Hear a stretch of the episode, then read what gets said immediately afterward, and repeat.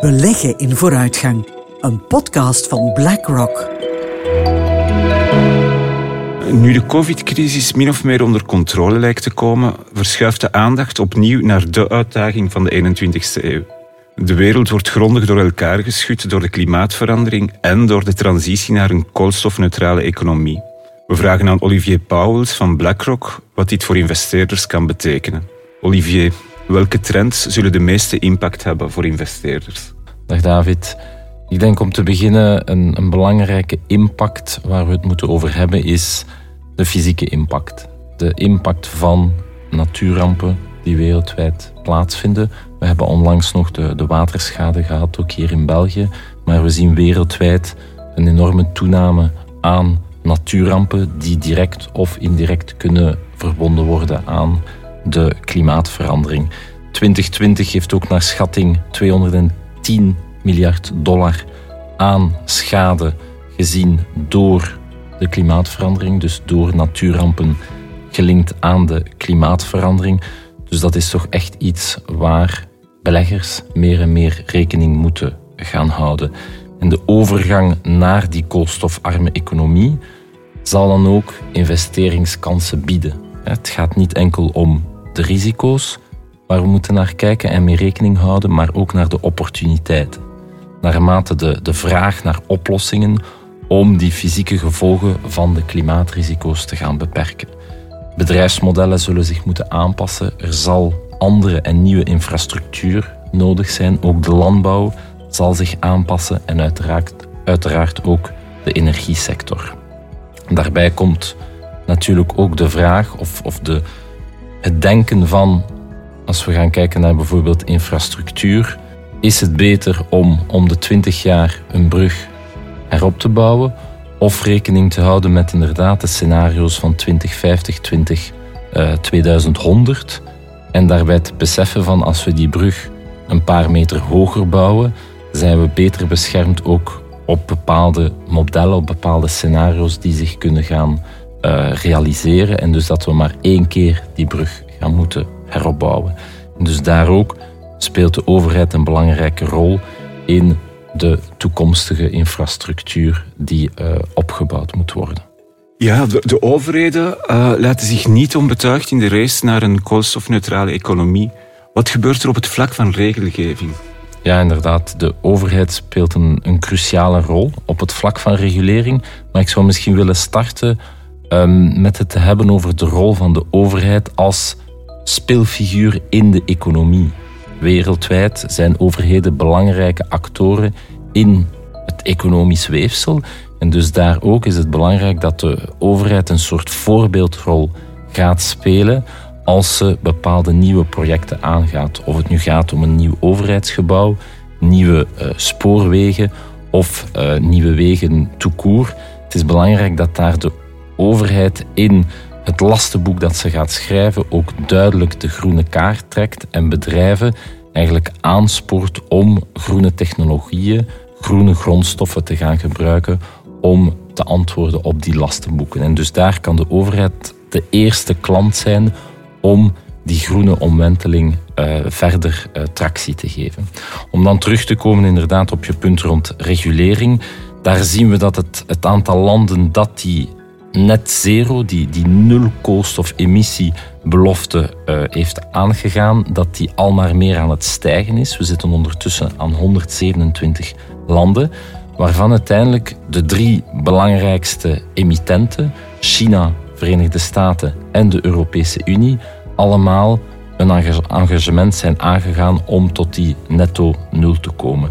We zien zelfs ook landen die, die verder gaan, die sneller willen gaan. Finland wil in 2035 al netto neutraal zijn, Oostenrijk 2040 en Duitsland en Zweden 2045. En dus die regulering en die ambities van de overheden leiden er ook toe dat bedrijven daarop reageren om zijzelf ook te evolueren naar een netto nul manier van business doen. En dat zien we dan zeker ook bijvoorbeeld in de energiesector, waar bepaalde bedrijven zeer sterke engagementen beginnen aan te gaan. We hebben het voorbeeld van een oliemaatschappij die haar olieproductie uh, al heeft zien pieken.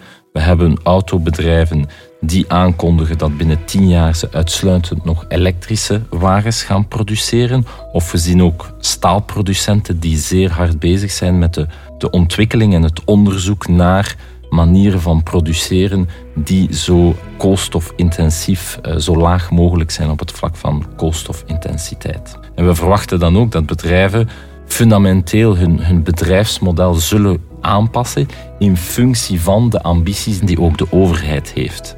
En de conclusie daarvan uiteindelijk voor de investeerder, voor de belegger is dat dit een enorme impact zal hebben en we zullen uiteindelijk ja, overblijven met een aantal winnaars, maar ook een aantal verliezers. En dus als belegger daar de juiste keuzes maken, kan uh, zeer interessant zijn.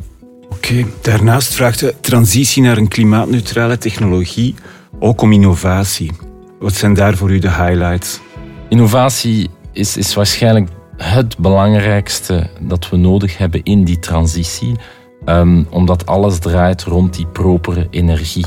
Het vinden van nieuwe manieren van energie produceren die minder uh, impactvol zijn op het klimaat, daar draait het momenteel allemaal om. Op vandaag leveren fossiele brandstoffen meer dan 84% van de energie in de wereld.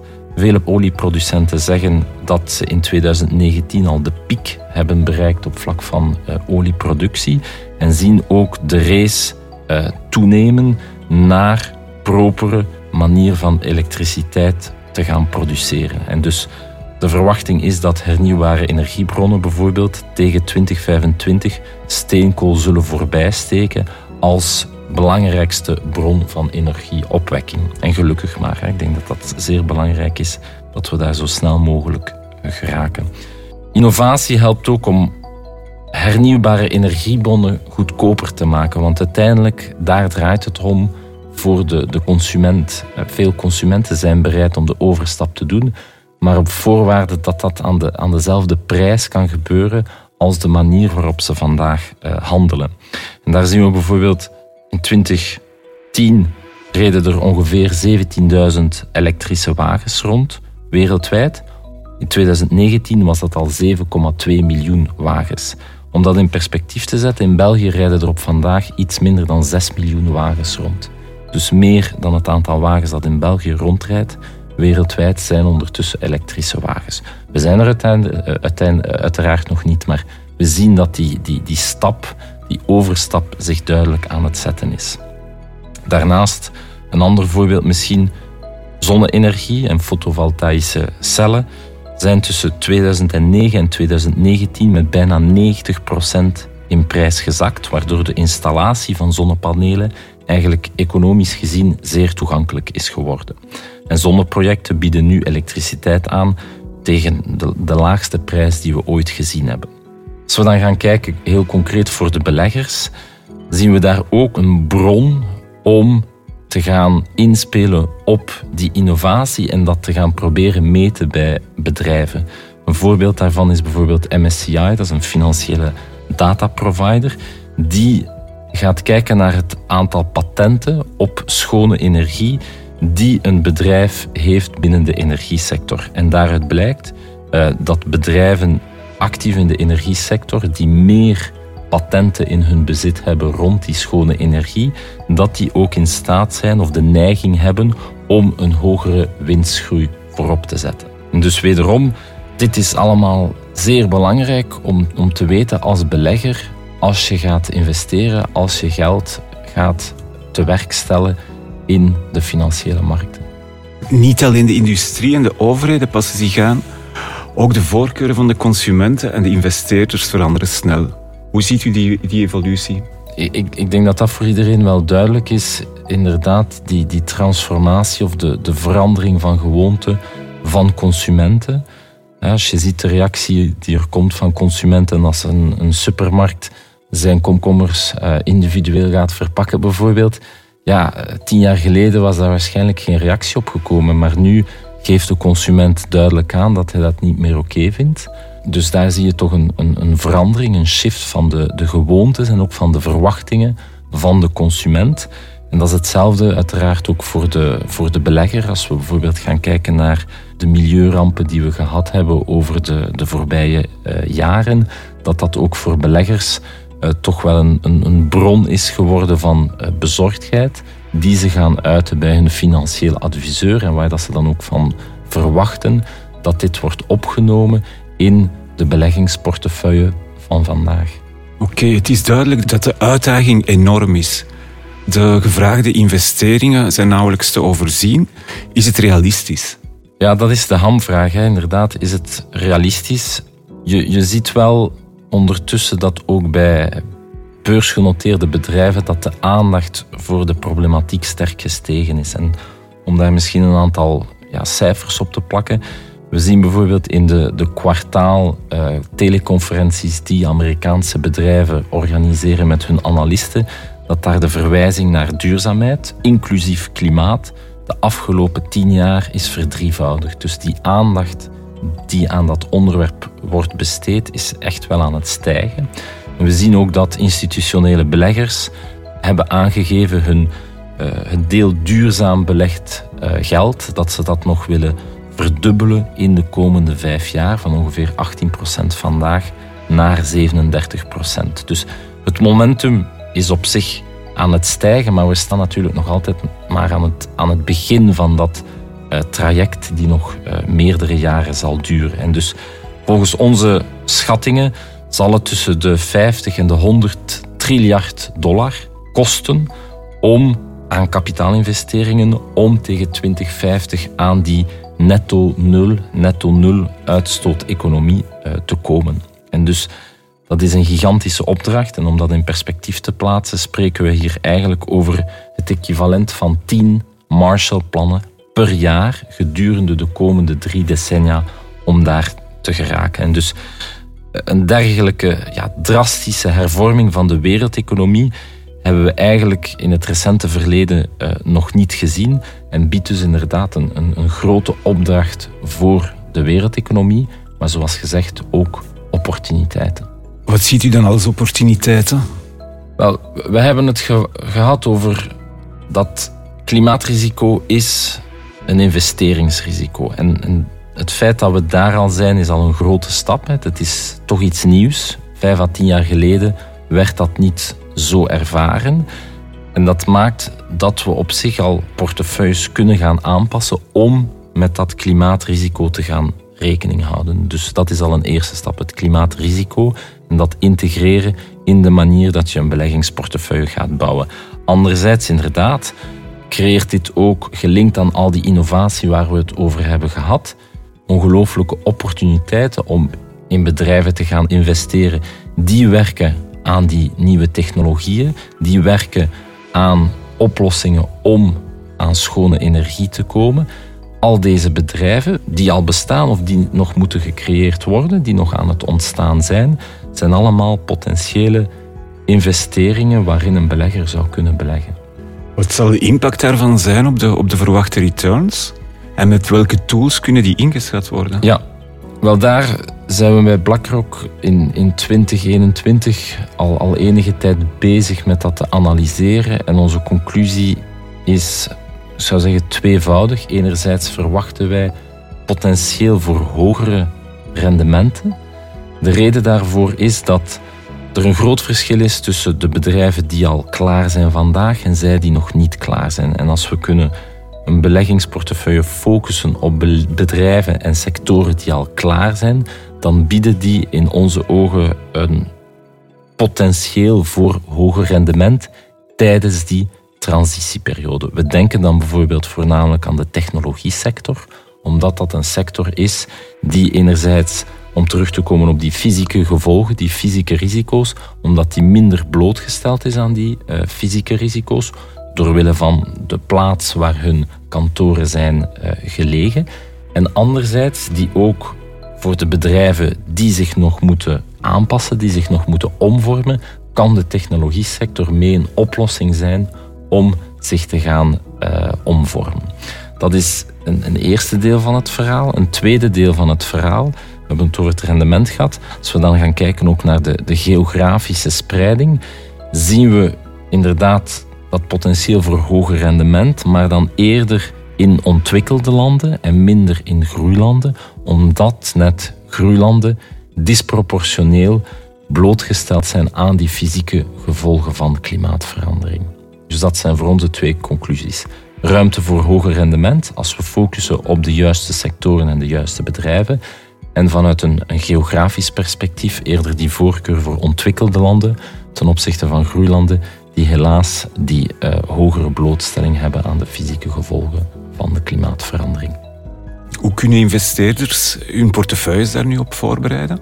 Ja, om, om, om heel concreet te, te gaan zijn er in onze ogen twee zaken. Enerzijds de financiering van innovatie en anderzijds alles dat data is, alles dat uh, draait rond gegevens over uh, klimaat.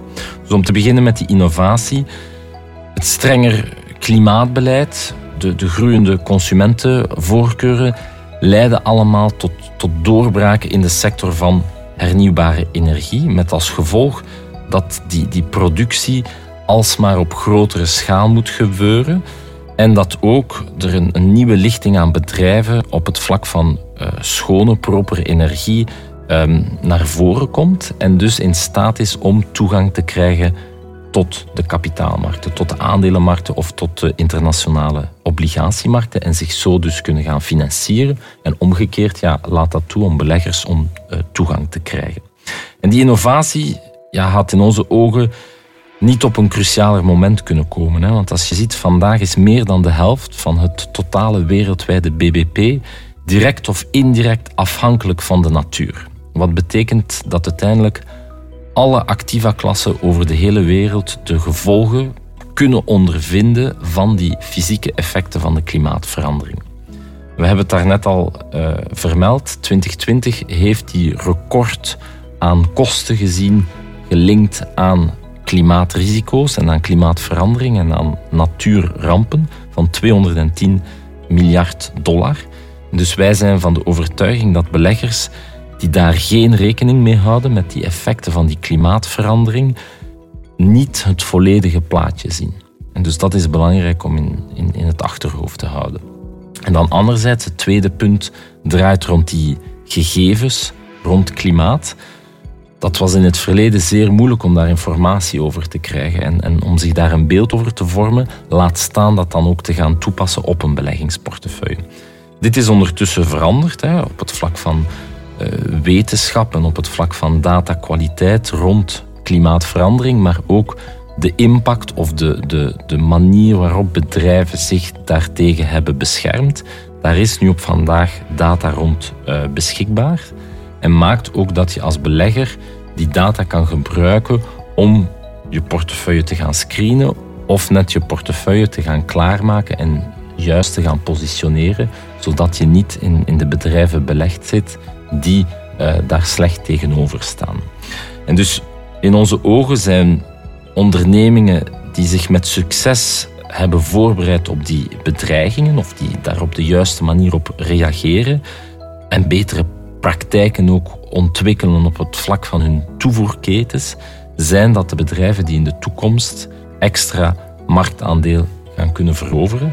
En dus dat maakt een, een interessante opportuniteit wederom voor beleggers. Dus voor beleggers volstaat het niet van uit te stappen uit uh, meer carbonintensieve bedrijven. U, staat, uh, u stelt een andere strategie voor.